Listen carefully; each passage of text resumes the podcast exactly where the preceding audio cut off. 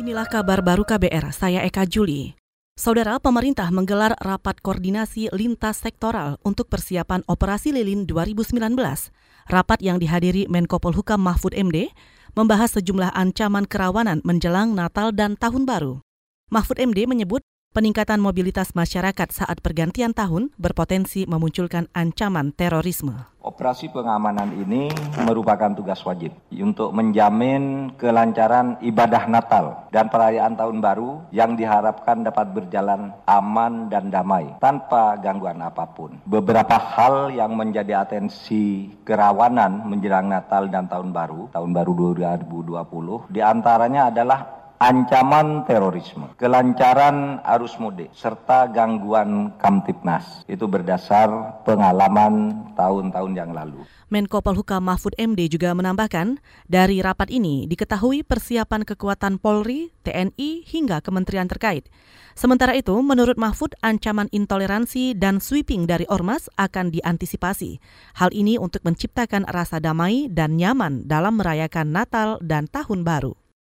Saudara bekas Wakil Presiden Yusuf Kala mengungkapkan kerukunan beragama di Indonesia harus diperbaiki.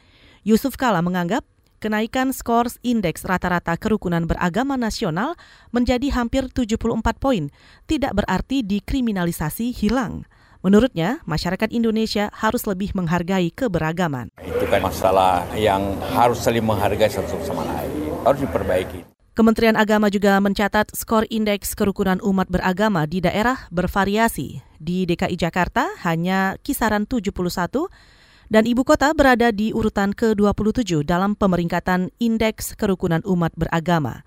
Sementara itu, Menteri Agama Fahrul Razi juga mengatakan indeks tahun ini membaik dalam kehidupan umat beragama, namun masih kalah dengan tahun 2015 sebesar 75,36. Indeks harga saham gabungan atau IHSG pada Bursa Efek Indonesia siang ini kembali menguat 0,59 persen. Selengkapnya disampaikan jurnalis KBR Siti Sadida Hafsyah dari Gedung Bursa Efek Indonesia, Jakarta. Saudara, Jumat ini indeks harga saham gabungan pada Bursa Efek Indonesia di tengah hari bergerak menguat 0,59 persen atau 36,38 poin ke level 6.175,78.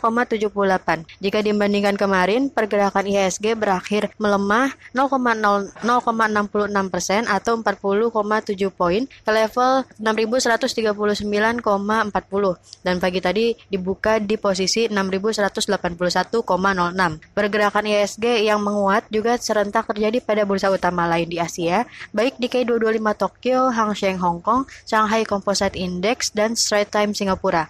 Sementara itu, berdasarkan data Bloomberg, nilai tukar rupiah siang ini terpantau menguat 64 poin atau 0,46 persen ke level 13.969 rupiah per dolar Amerika Serikat setelah pada akhir perdagangan kemarin ditutup menguat 5 poin atau 0,04 persen ke level 14.033 rupiah per dolar Amerika Serikat dengan pagi tadi dibuka 18 poin lebih kuat ke level 14.015 rupiah per dolar Amerika Serikat. Dari Gedung Bursa Efek Indonesia, Siti Sadir Hafsyah melaporkan untuk KBR. Saudara demikian kabar baru, saya Eka Juli.